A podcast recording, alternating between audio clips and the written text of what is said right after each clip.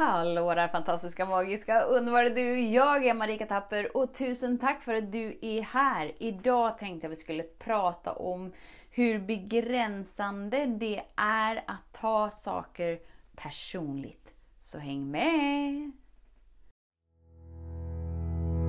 Så den stora frågan är, hur lär vi oss att älska oss själva utan att vara egoistiska och självgoda? Det är frågan och denna podcast den kommer ge dig svaren på det och mycket mer. Mitt namn är Marika Tapper och varmt välkommen till Hemligheterna bakom att älska sig själv. Om du ser en äh, gräsmatta framför dig och så är det sån här, bara så här gräset ser så här riktigt bara levande och friskt och härligt och mysigt ut. Och så kommer det liksom någon och bara trampar rätt över gräset och bara liksom fullkomligt förstör hela det vackra, underbara, magiska, wowiska gräset. Är det så att liksom gräset så här reagerar som Du din jävel. Här har jag ägnat mig åt att bli vacker och strålande och sprudlande och gräsig. Vem tror du är att du är som kommer här och trampar ner mig?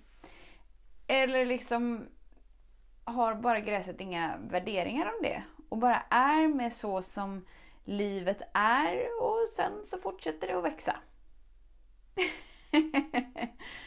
Antagligen så tar gräset inte så himla personligt åt sig. Eller hur?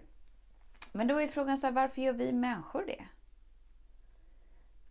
Kanske någon del tycker så här, men vi är ju mycket smartare än gräset. Ah, är vi verkligen det? Är det inte så att allt är en enda stor medvetenhet och att liksom alla har sina universum i sin medvetenhet så att allt är liksom levande?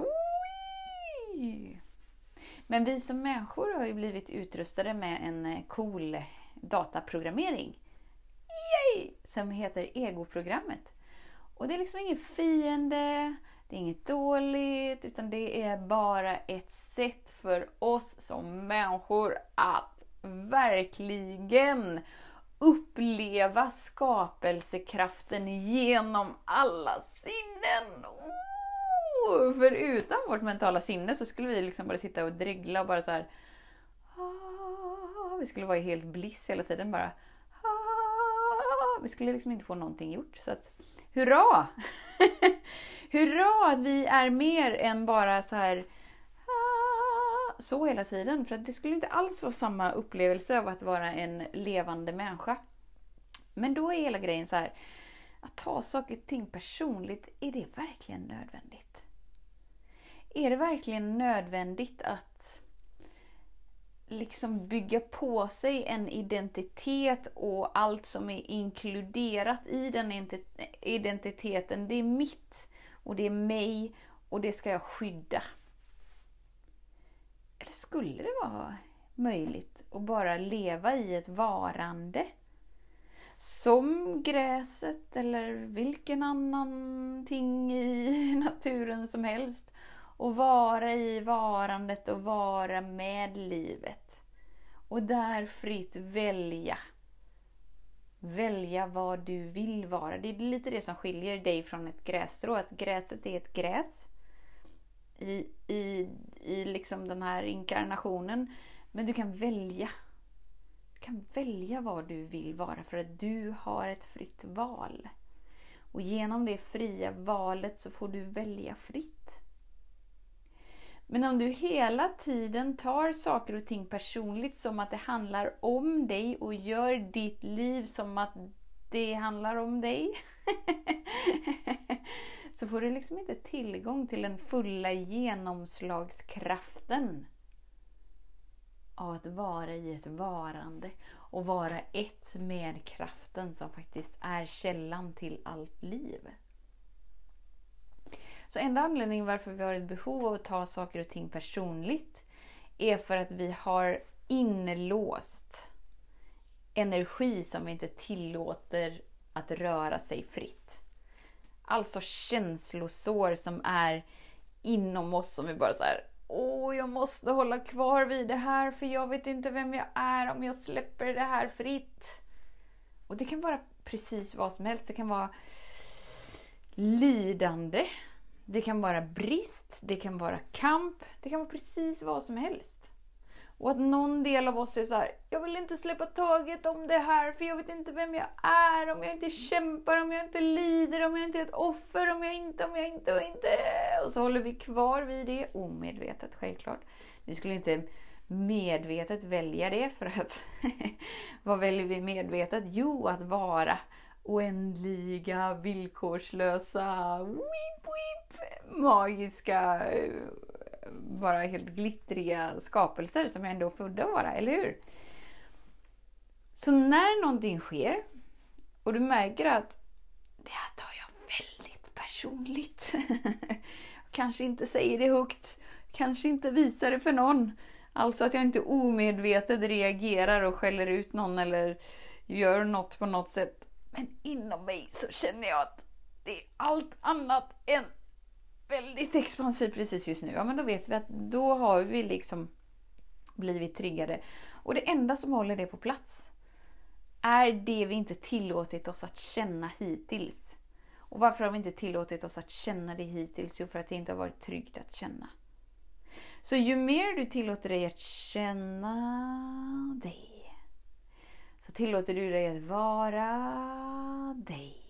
Och ju mer du tillåter dig att vara dig, ju mer får du tillgång till allt det du är. Och då existerar inte de här energibatterierna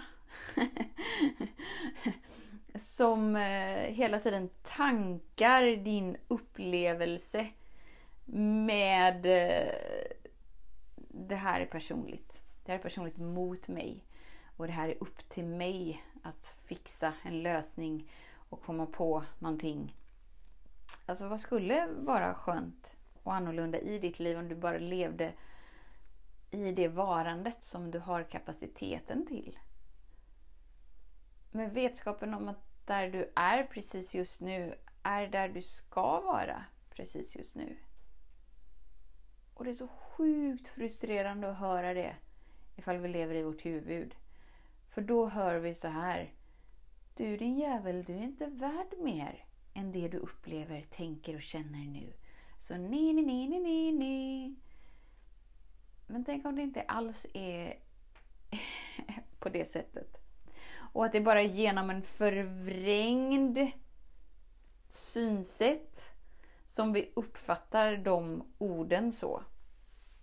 För tänk om du är där du ska vara för att tillåta dig att vara allt det du alltid varit och att det inte är något straff.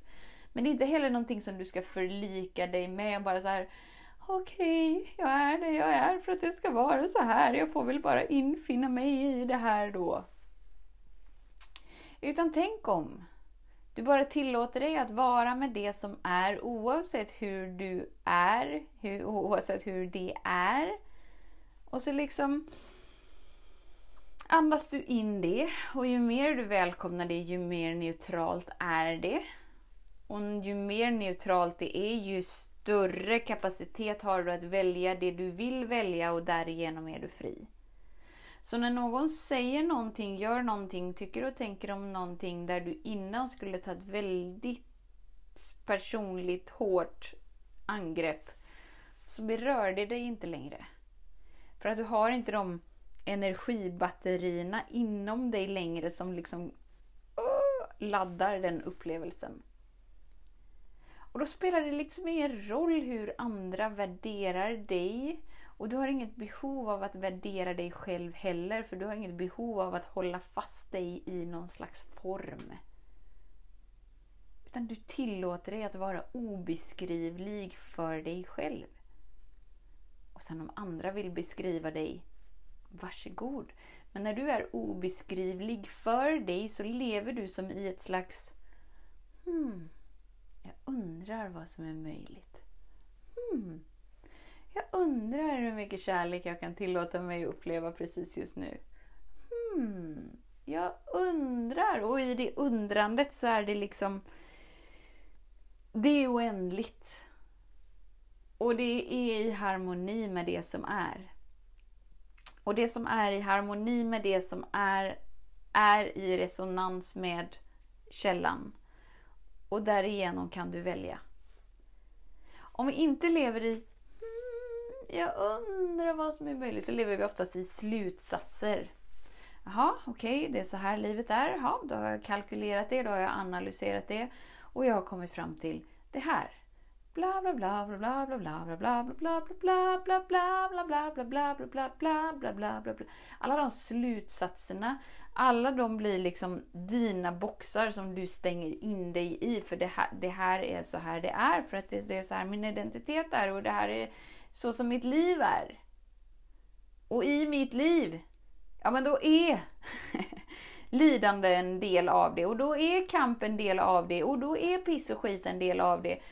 Och då är det här en del av det för att jag identifierar mig som det.